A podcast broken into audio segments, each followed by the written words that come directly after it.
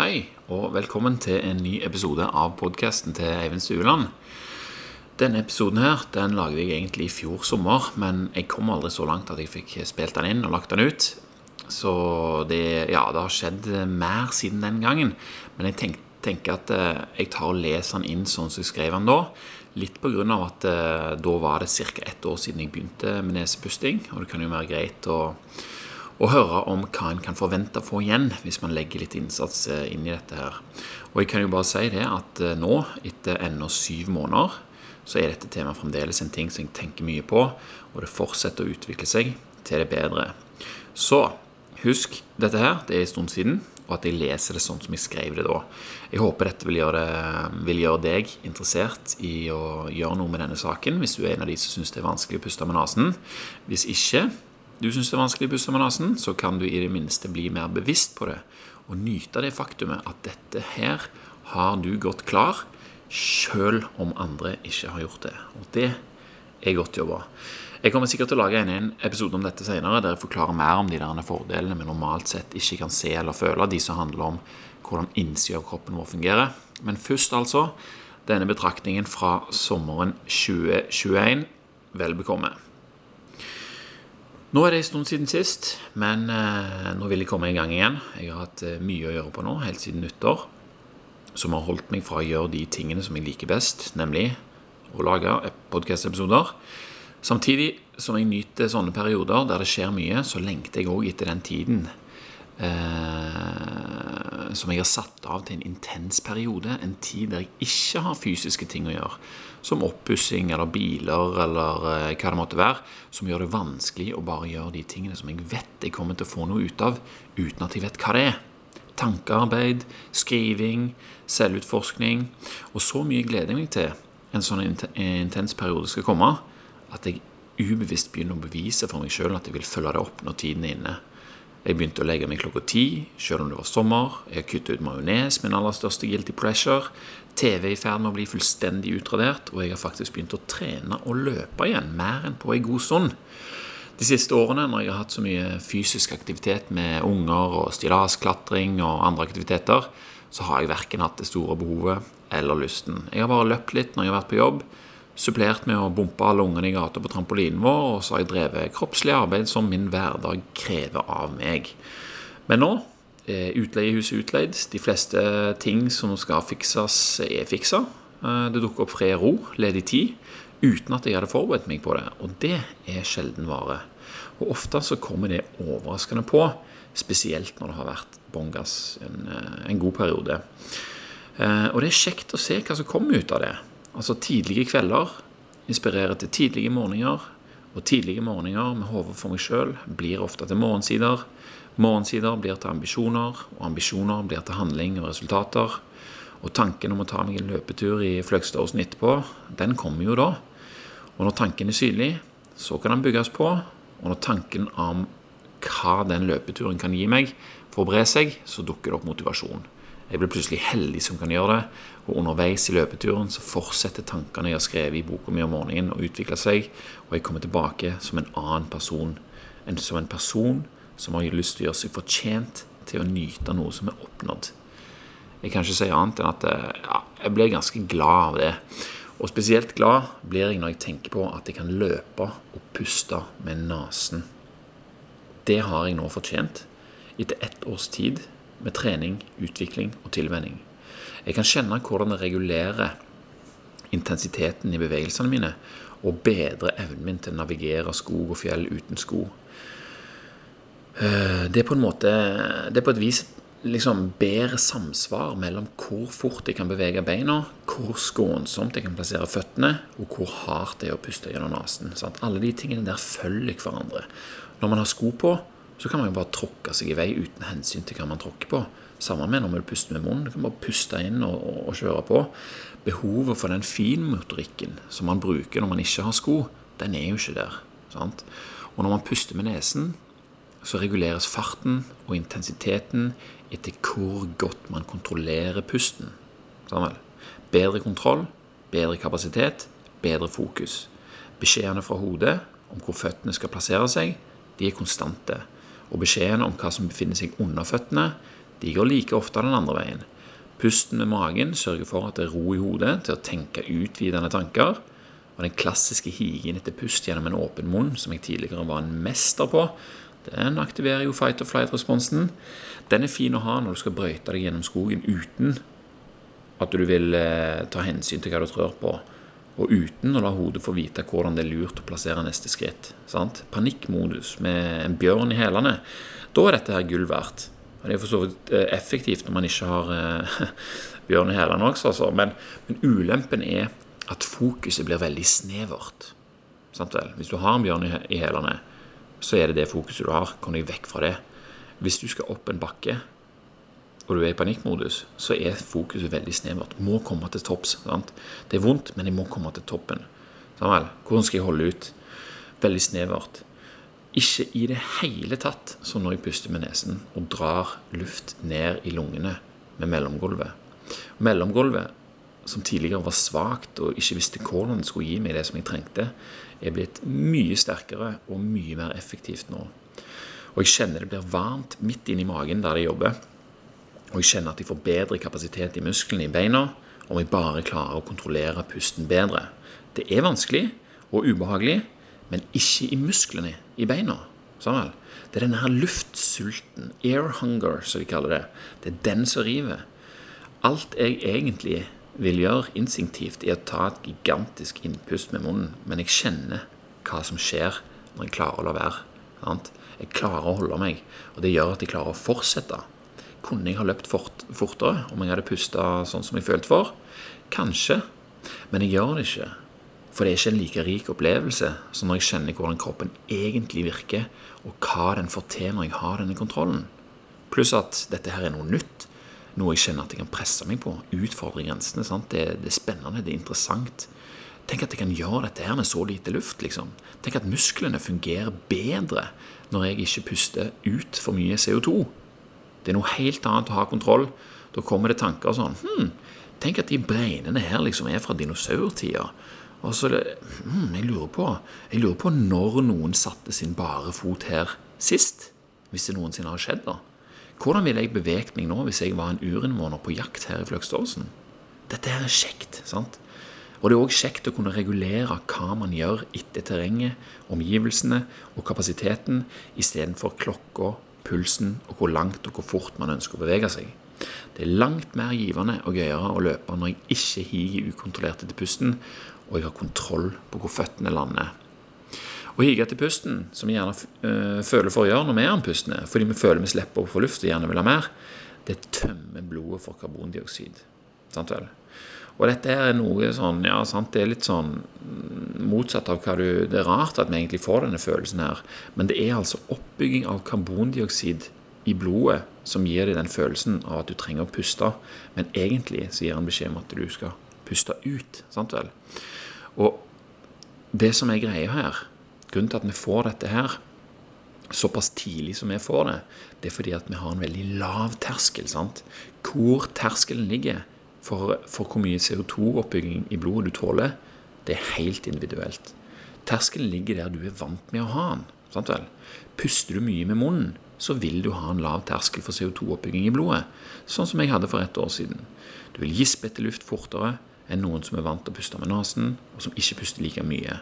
Og som i tillegg puster med ned i magen, ned i, i, i dyp pust.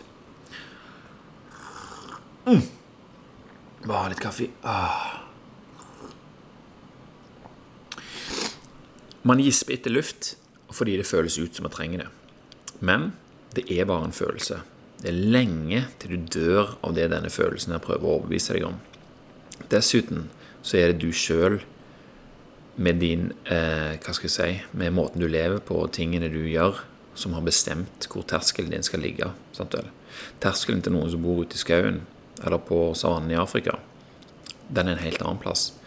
Desto mer du trener din toleransegrense for CO2 i blodet, jo lenger kan du tyne det uten ubehag. Og jo bedre og mer effektivt virker musklene dine, og desto mer effektivt vil du klare å forbruke det oksygenet du faktisk tar inn. Og det høres vel ikke så galt ut. Det er oksygen vi liker, men ikke før du forstår at jo mindre karbondioksid det finnes i blodet, Altså, jo mer du puster ut, desto vanskeligere er det for blodet å slippe oksygenet det bærer med seg inn i cellene som trenger det. Sant? Det er kanskje en utfordring å fatte dette her, siden alle, inkludert meg tidligere sjøl, tror at mye oksygen er det som skal til for at vi skal klare det vi vil. Og det er litt sant, men det virker bare ikke helt sånn som jeg har en tendens til å tro at det virker. Man kommer ikke så langt med mye oksygen i blodet hvis det er i cellene det er bruk for det. Sant? Det er nivået av karbondioksid i blodet som styrer om oksygenet får slippe til eller ikke. Mye CO2 oksygenet slippes lett. Lite CO2 oksygenet slippes ikke lett. I blodet er det alltid rett rundt 97-100 oksygenmetning. Prøv deg med en sånn metningsmåler på fingeren. Det er vanskelig å komme under 97% til og med når du holder pusten. Vi klarer ikke å bruke opp oksygenet, men vi klarer å redusere muligheten for å slippe det inn i cellene. Sammen. Og jeg kan bare si at dette her var en av de viktigste tingene som jeg lærte meg i forbindelse med at jeg begynte å puste med bare nesen for eh, rundt ett år siden. Da broren min kom og fortalte meg om alt dette her, som jeg tidligere hadde utelukka som fjas, men den eneste grunnen til at jeg hadde gjort det, var at jeg ikke likte å tvinge meg til å puste med nesen. For jeg syns at det var veldig ubehagelig.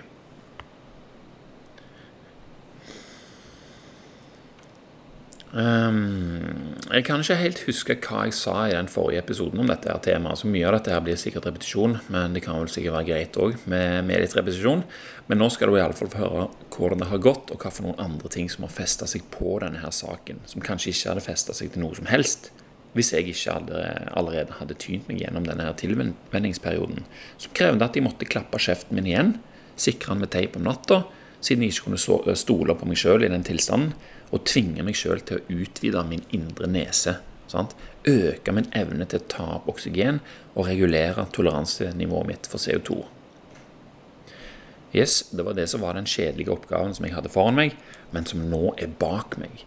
Jeg nyter effekten av å ha oppnådd dette her, og jeg cruiser videre for å oppdage hva mer jeg kan få til nå, når jeg har gjennomført denne her innledende fasen jeg elsker når jeg kan takke min fortid sjøl for at han valgte å utsette seg eh, for det han valgte å utsette seg for, sånn at jeg, som bare var en fjern tanke om fremtiden da, kan ha det som jeg har nå.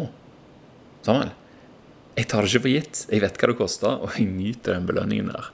For å si det sånn, jeg angrer ikke i det hele tatt på at jeg tok fatt på denne utfordringen, selv om jeg ikke likte det i starten. Det var definitivt ubehagelig.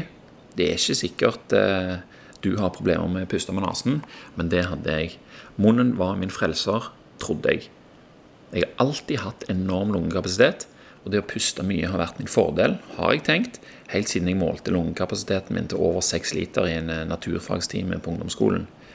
Sannheten var jo da at det var min krykke egentlig som sørga for at nesen min aldri ble så bra som den kunne bli. Jeg har et helt annet liv nå enn for bare et år siden. Jeg kunne våkne med tørr kjeft og hoven kropp rett som det var, og ikke tenke på hva det var som gjorde det. For jeg visste det ikke. Eller hva det betydde for hvordan resten av kroppen fungerte. Så jeg leste meg gjennom den ene boka til Patrick McEwan, som forklarer det hele veldig godt. 'Oxygen Advantage' heter den. Det var, det, var den som broren hadde lest, og som han begynte å snakke om. Og så kom jo akkurat da boka til James Nestor, 'Breath', som tar oss med på en fascinerende reise der eksperter og historikere og selveksperimentering viser oss tydelige tegn til at dette er nok en evolutionary mismatch-situasjon det kan svare seg og ta ansvar for å tilpasse. Og det må vi gjøre sjøl. Og det må vi gjøre sjøl, for det er ingen som kan gjøre dette for oss. Når det var gjort og informasjonen var forstått, var det en no-brainer å tilpasse livet rundt at, skulle at, det skulle være enkelt å puste med nesen. Og hvis jeg tenker sånn Jeg vil at det skal være enkelt for meg å puste med nesen, så gir jo det ringvirkninger i alle mulige retninger. Alkoholkonsumet er ytterligere redusert. Matvarer fjernes fra handlelisten. Og det å spise for mye, som slekta mi for øvrig er kjent for å kunne gjøre, det hører nå sjeldenhetene til. Fordi det fører til systemisk betennelse, som gjør at kroppen hovner opp, som gjør at det blir vanskelig å puste med nesen, som jeg vet er et tegn på at det foregår flere ting i kroppen som gir videre negative konsekvenser. Takket være det James Nestor og Anders Alson gjorde i, i den boka, 'Breath', så vet jeg dette. her. Jeg har et bilde på hva disse følelsene representerer. Sant? Nå kjenner jeg det. Da må det bety at. Sant? Det vil si at jeg kjenner Det vil si at hvis jeg kjenner det blir trangt i nesen, så tenker jeg over hva som kan ha gjort det. Er jeg hoven, er det noe som ikke stemmer helt. Det er en grunn til at kroppen blir sånn. Kroppen har blitt utsatt for noe som den nå prøver å kompensere for. Den vil tilbake i homeostase. Og det gjør den bl.a. gjennom en runde med systemisk inflammasjon. Og det høres kanskje voldsomt ut, men det kan f.eks. ikke være mer enn 4 gram glukose i blodet til et voksent menneske uten at det går ut av homostase. Og hvis det er mer, så betyr det én ting det må fjernes. Og det går fint. Hvis det er mye mer, så må det òg fjernes. Men det er litt vanskeligere.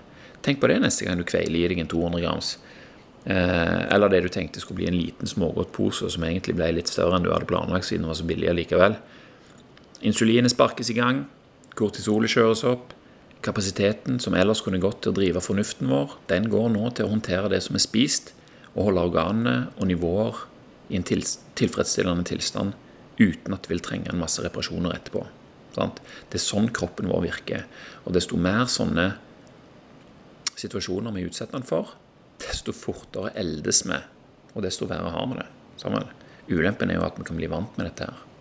Men uansett, kroppen har altså ennå ikke tilvent seg enorme mengder kalorier av forskjellige slag som entrer kroppen fortere enn noensinne. Og ofte så er det det som fører til at kroppen hovner opp. Jeg er en såkalt eh, superresponder. Eh, som kan Jeg merker veldig fort når ting kommer inn i kroppen. Og, og, og jeg merker det på at noe endrer seg. Sant? At jeg blir plutselig hoven, eller at jeg blir plutselig veldig varm, eller sånne ting. Pluss at jeg er stort sett i ketose, så jeg kjenner veldig raskt om dette er i ferd med å skje. Og hvis jeg kjenner disse tegnene, så pleier jeg også å sjekke med, med, ringen min som jeg har på meg. Hvis den sitter løst, så er det ikke så gale. Da er det ikke noe fare ennå. Men når den begynner å bli trang og begynner å sitte fast, og det blir vanskelig å få den av, da vet jeg at jeg har gjort noe som kroppen må kompensere for. Og er det noe eh, jeg for fremtiden vil unngå, kanskje det, finner jeg ut hva det var, så kan jeg veie det opp mot effekten det gir. sant? Og Eh, nå sitter ringen min hardt. Jeg vet hvorfor. Jeg spiste chips og brus, kanskje. Eh, eller snop. Eh, det var godt. Men nå må kroppen min gjøre dette her. Er det verdt prisen? Og så begynner jeg å tenke på dette. her. Noen ganger er det verdt prisen. Sant vel? Altså, det hender jeg jo spiser snop. Jeg er ikke, jeg er ikke helt nazi. Men jeg tenker iallfall alltid over hva de gjør. Andre ganger så er det ikke verdt det. Jeg tenker sånn, nei, vet du hva, det er ikke nødvendig i dag. Det syns jeg gjør ditt og datt i morgen. Jeg har lyst til å sovne lett i kveld. Jeg har lyst til å kjenne, kjenne at kroppen min er på en måte i en god tilstand når jeg skal legge meg, for da vet jeg at det er lettere for kroppen å havne inn i dyp søvn, og at det er lettere for meg å Hvis jeg har hatt dyp søvn, så vet jeg at det blir lettere for kroppen å begynne å drømme når eh, det kommer senere på natta. Sånn, all slags sånne ting begynner å, begynner å svive, og da blir det veldig lett for meg å velge den positive tingen. da Uh, og selv om det kan høres veldig kjedelig ut og aldri liksom gjøre de tingene som alle andre ser ut til å nyte, så gir denne her avgjørelsen meg den følelsen av nytelse. Da blir jeg sånn Yes! Det er sånn jeg vil ha det. Og den store forskjellen her er at etter hvert som jeg har gjort dette her en stund, så blir det mindre tilfeldig hvilken tilstand kroppen min befinner seg i. Over tid så finner jeg ut hva som bremser meg, og jeg kan legge inn handlinger og lage logiske tankerekker for meg sjøl som sørger for at dette her ikke skjer. Jeg klarer å kontrollere det i min favør. Samuel. Og min favør, det er at jeg har kapasitet i hodet til å styre meg sjøl mot fremtidige resultater som jeg vil ha. Som f.eks. at jeg vil opprettholde kapasiteten i hodet. Sammen. Da nytter det ikke å hive inn på en pizza og en halv liter brus. Da går kapasiteten i hodet ned, påfølgende søvn blir dårligere, begge deler gjør at jeg har enda lettere for å respondere på instinktive lyster og følelser fremfor disse her i anførselstegn, kjedelige og tungvinte, fornuftige løsningene som først gir belønning seinere. Det er derfor vi har så lyst på junkfood dagen derpå. Det er derfor vi bare ser en episode til, og det er derfor det ikke er like enkelt å lage seg en sunn og god niste når man har skimpa på søvnen. Vi ligger i minus og får først tilgang til hele vår egen kapasitet når disse kompensasjonsprosessene i kroppen ikke krever den lenger. Og da kan vi klare det vi har lyst til, på en mye enklere måte. På en mye enklere måte. Og jeg har noen triks for å hjelpe kroppen med å komme seg tilbake fra sånne uønska tilstander. Det er gode triks. Jeg kan ta meg et kaldt bad eller en dusj. Det hjelper ganske mye. Eller jeg kan begynne å bevege meg. Eller jeg kan jorde meg. alle disse her tingene hjelper, og jeg gjør som regel alle sammen hvis jeg kjenner jeg trenger det. Men det er stort sett Det jeg har funnet ut, er at det er stort sett enten for mye protein eller for mye karbohydrater, eller rett og slett for store måltider som sender meg inn i denne tilstanden. Og Hvis jeg vet det, samtidig som jeg har kapasitet til å handle etter det, så er det ikke så vanskelig å unngå å sende kroppen i den tilstanden. At disse teknikkene, jording, isbad og bevegelse, bidrar positivt til at kroppen klarer å hente seg inn når noe er galt, kan jo bety at det er andre eh, At det er enda bedre å utføre, utføre det når jeg ikke trenger å kompensere for noe. sant vel? At jeg kan gjøre disse tingene når jeg ikke er hoven. Da blir det jo avkastning istedenfor. Og da er du på lag med deg sjøl hele tida. Og det er når det momentet får fart på seg, at det virkelig skjer ting. Et kaldt bad for å bøte på en synd er ikke det samme som et kaldt bad for å styrke deg for fremtidige påkjenninger. Og Ben Greenfield han sier at eh, han har eh, vært en sånn betatester for eh, en sak som heter Jeg lurer på om heter Levels. Et sånt merke som du har på, på armen, så du kan sjekke konstant blodsukkeret ditt hele veien. Og det en av de tingene som han fant ut, det var at det er ingenting som hjelper han med å regulere blodsukkeret sitt gjennom dagen bedre enn en kald dusj eller et bad om morgenen. Sammen. Og den biten med informasjon der, den har motivert meg ganske mange ganger til å ta en kalddusj på direkten om morgenen. sant? Og da kjenner jeg nesen er helt åpen, det er lett å puste, og eh, jeg har lyst til å opprettholde den resten av dagen. Så går jeg der og puster og kjenner at uh, dette, her er, dette her er good. Og da vet jeg jo alle de tingene som skjer med den lufta jeg drar inn, som gjør at det er bedre enn hvis jeg ikke er sånn, hvis jeg puster med munnen. Og jeg kjenner jo nå En ting som er litt eh, Når jeg leser inn episoder, så er det veldig vanskelig å puste med, med nesen. Så kjenner jeg at det tetter seg litt til. Men det får heller være verdt det. Så etter en intens periode da, der alle disse her tankene og tegnene og hva jeg skal gjøre med de er øvd inn, så begynner dette her å ligne en vane. Tankemønstrene er etablert.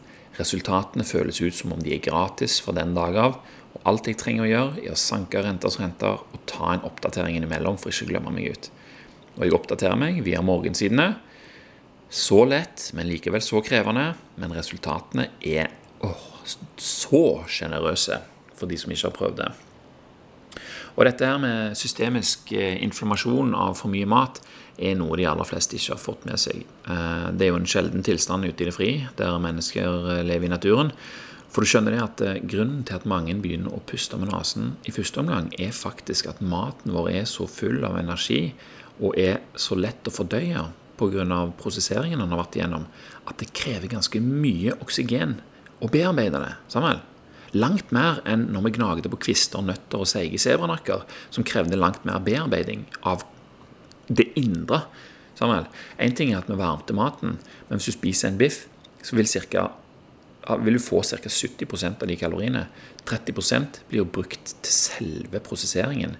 Og det brytes ned i magen sakte, sånn at det går litt og litt og litt ut i blodstrømmen. Istedenfor at det, hvis du svelger ei pølse, f.eks., så løses den opp, og så fyker den rett ut. Sebraen, for det første, den, den krever jo eh, forberedelse, planlegging, løping, taktikk, styrke, utholdenhet og bæring. Sammen.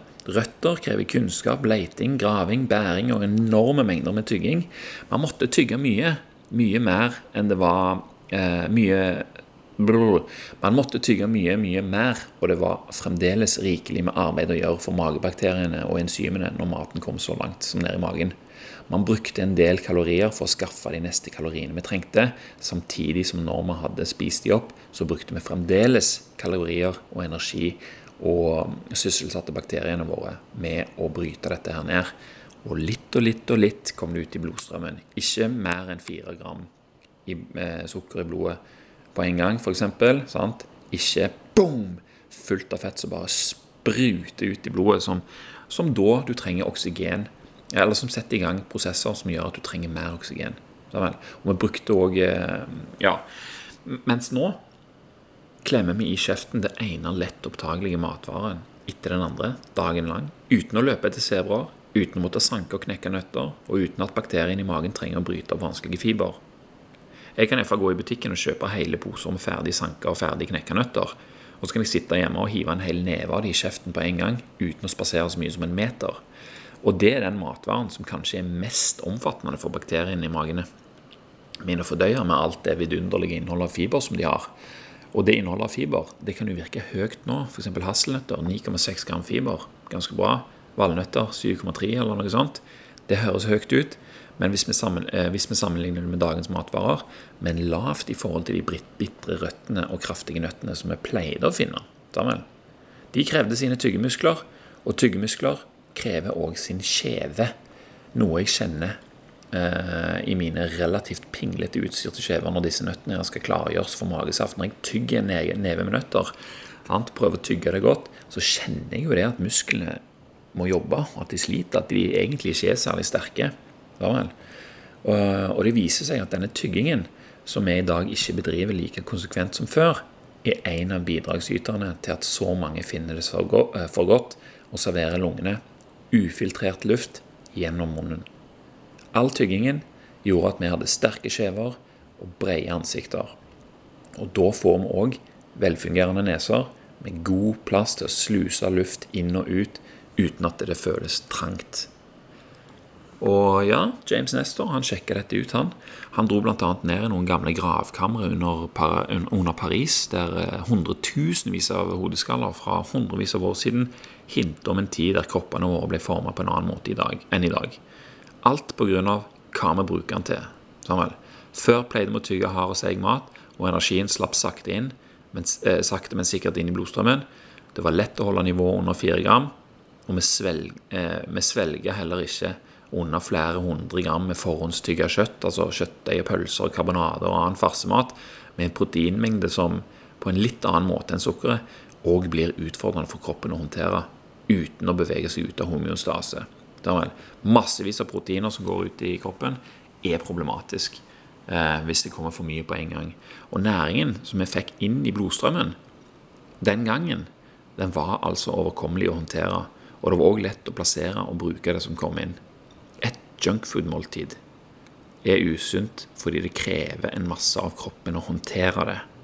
Utilsikta skade, som det heter på norsk. Collateral damage. Skade som skjer pga. noe vi gjør, men som ikke har direkte med den tingen å gjøre. Det er ikke derfor vi spiser på den måten for at vi skal skade kroppen, men det er det som skjer.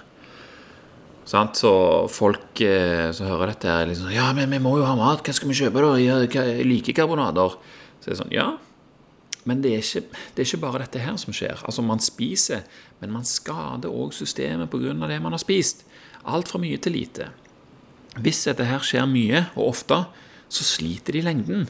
Det var lite collateral damage når røttene måtte tygges og sebranakken måtte hentes en helt annen plass enn frysedisken. Kraftige kjever, brede ansikt og en romslig nese hos våre forfedre vitner om at dette var vanlig. Det var vanlig å være sånt. Nå er det mye mindre vanlig. Sant? Våre ansikt viser òg hva vi gjør, eller rettere sagt hva vi ikke gjør. Vi tygger lite, men tar til oss mye energi uten at vi nødvendigvis trenger å gjøre så mye for å skaffe og bearbeide den. Prosesseringen av maten vår har bidratt til at vi ikke lenger trenger å anstrenge oss med å tygge maten like iherdig, sånn som vi pleide, samtidig som det vi slurper og slafser i oss av myk mat, det er blitt helt vanlig. Og vi tenker gjerne ikke så mye over det, men både usunne og sunne matvarer bidrar til dette her.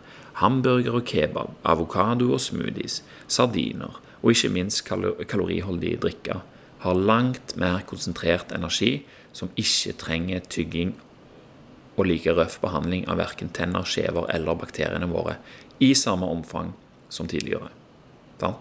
Resultatet er at det fosser mengder av energi og næring inn i kroppens indre langt raskere enn noensinne. Det krever en enorm innsats å holde ting i homostase når dette scenarioet utspiller seg. Det kan kun være fire gram glukose i blodet til enhver tid. Alt som er over, må vekk, og det er fort. Lever, nyrer og insulin styrer på det de kan for å holde kroppen i funksjonell tilstand. Og Denne konsentrerte energien den har sin pris for kroppen. Masse aktivitet krever mye energi, som igjen krever mye oksygen. Lite tygging gir smale skjever. Sant? Vent litt, la meg bare nevne én ting. Denne konsentrerte energien har sin pris for kroppen. Masse aktivitet krever mye energi, som igjen krever mye oksygen. Og hvis du forbruker mye oksygen, hva får du da? Da får du en økning av CO2, og du bygger opp CO2-nivået i blodet. Sammen? Og hva får du da hvis du har en lav terskel for CO2-oppbygging? Da får du denne her lufthungeren, sant? air hunger. Lite tygging bidrar til smale skjever. Vi får ikke utvikla skjevene våre lenger.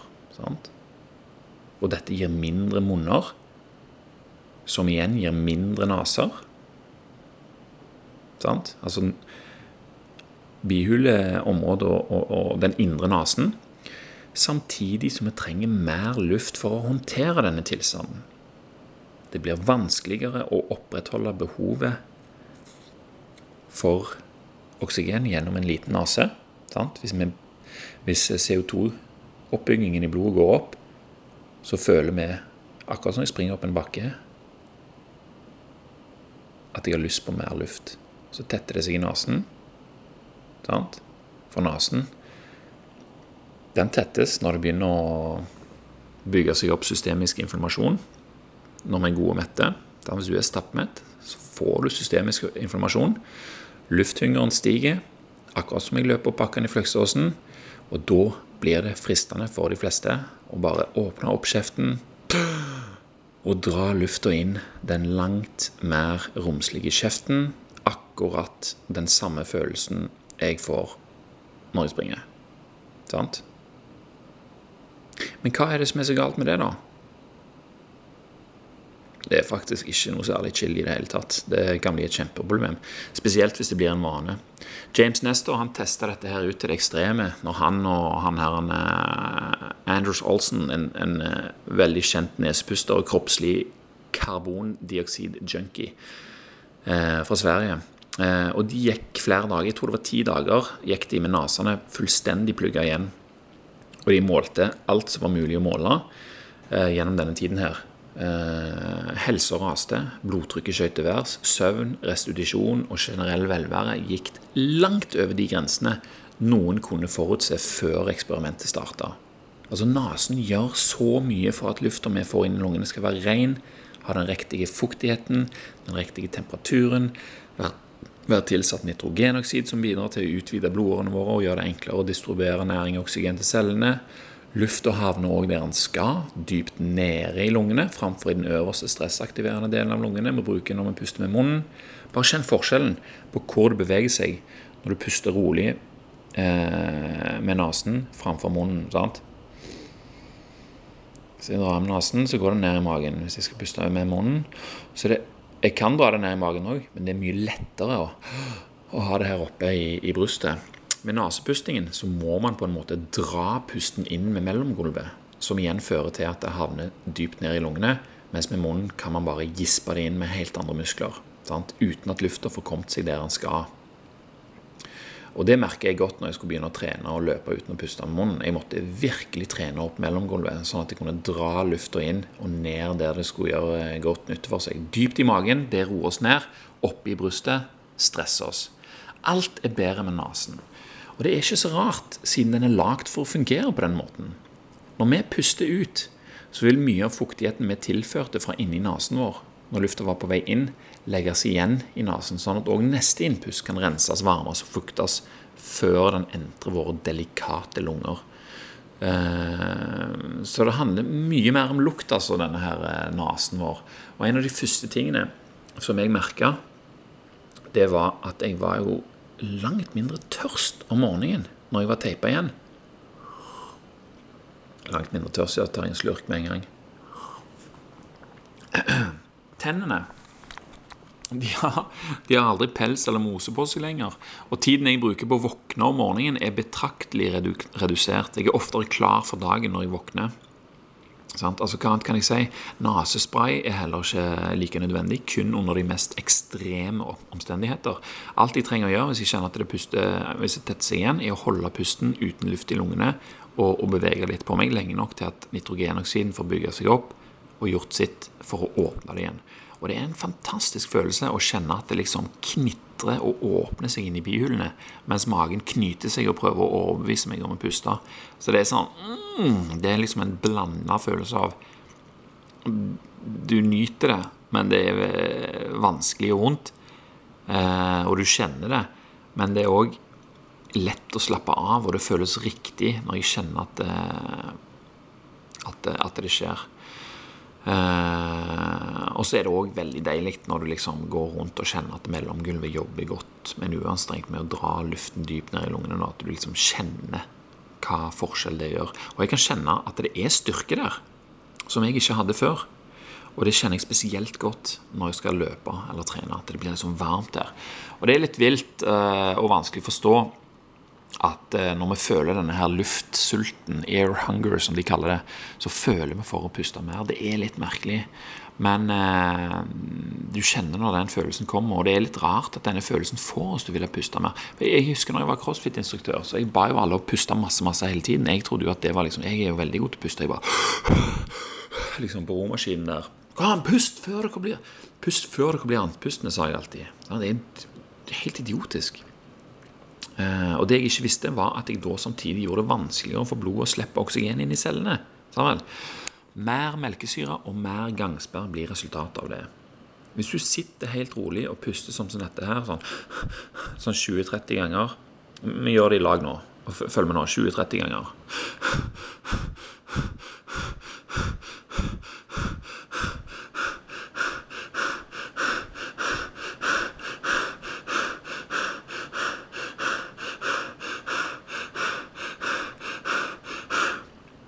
Og stopp. Det var 25. Uh. Jeg kjenner jeg blir litt svimmel nå når jeg har stoppa. Uh. Og så kjenner jeg at, jeg at, det rasper bak i halsen, at jeg blir sår bak i halsen. Og når jeg føler meg svimmel, så betyr ikke det at jeg har lada meg med oksygen, for den er på 97-100 hele tida. Kjenner nesen tette seg igjen òg. Det betyr at det begynner å bli lite oksygen i cellene, for du har pustet ut masse CO2. Og når du puster ut for mye, på en måte som kan beskrives som overpusting, så tømmer vi systemet for CO2 gjennom pusten vår, og da blir det jo lite oksygen til cellene. Og det er det som gjør svimmel. Toleranse vårt, toleransenivået vårt for CO2-oppbygging stiller seg etter hva vi er vant med. Vi kjenner fort at vi skulle, at, uh, vi skulle kunne ha bruk for mer oksygen. Og det vi trenger å gjøre da, er å forsøke å ikke puste ut CO2-en vår fortere enn han bygger seg opp til et nivå som gjør det enklere for blodet å slippe oksygen i cellene. Sant? Så hvis du kjenner denne svimmelheten, så er det egentlig å puste ut seint og inn igjen.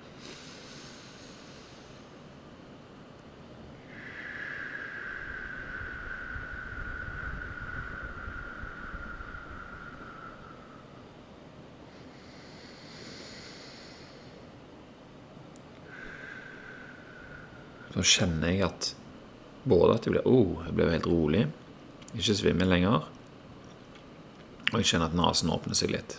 Er du med på dette her? Når vi puster til vanlig, så bruker vi bare ca. 25% av oksygenet vi puster inn. Når vi trener hardt, er vi kanskje oppe i 60% men vi klarer aldri å bruke alt. Det er alltid nok oksygen, men det kan være for lite CO2. Og når vi da puster for mye, f.eks. i en treningsøkt, så kan vi raskt få melkesyre av denne tilstanden av overpusting. Mens nå, når jeg løper barfot med nesepust Når jeg løper barfot med nesepusting opp de lengste bakkene i Fløgstadåsen, så er jeg så mye mer avslappa og rolig enn jeg pleide å være når jeg ispetter luft og kjente at melkesyre bygde seg opp i beina.